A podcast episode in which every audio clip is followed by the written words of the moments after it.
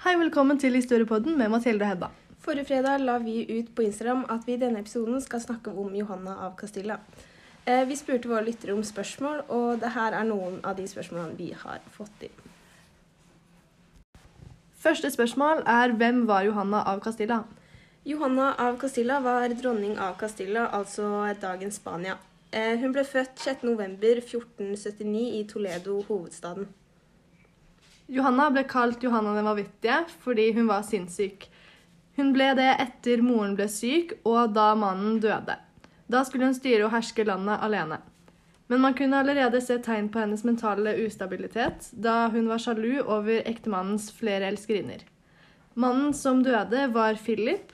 Eh, Johanna ble forlovet med Philip da hun var 16 år gammel, og i 1496 giftet de seg.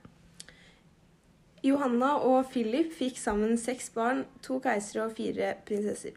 Johanna som barn var selv intelligent og lærte seg alle de iberiske språkene som fransk og latin. Neste spørsmål vi fikk inn, var hvilke hendelser som skjedde i livet til Johanna.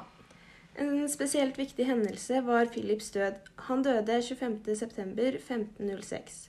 Kun to måneder før dødsfallet ble Philip og Johanna krona til konge og dronning. Philip oppholdt seg i Burgos og døde av sykdommen tyfus.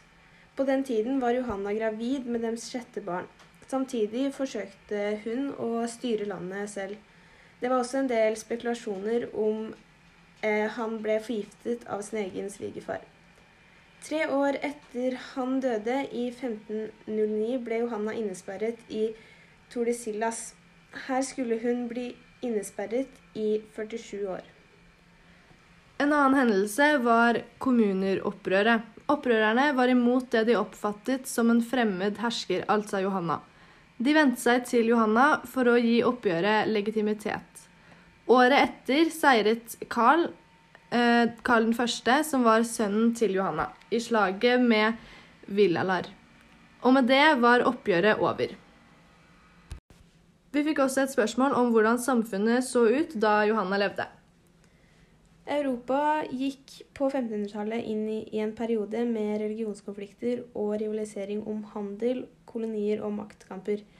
Da Johanna skulle styre landet alene, var det mye uro. Pest og sult ødela kongeriket.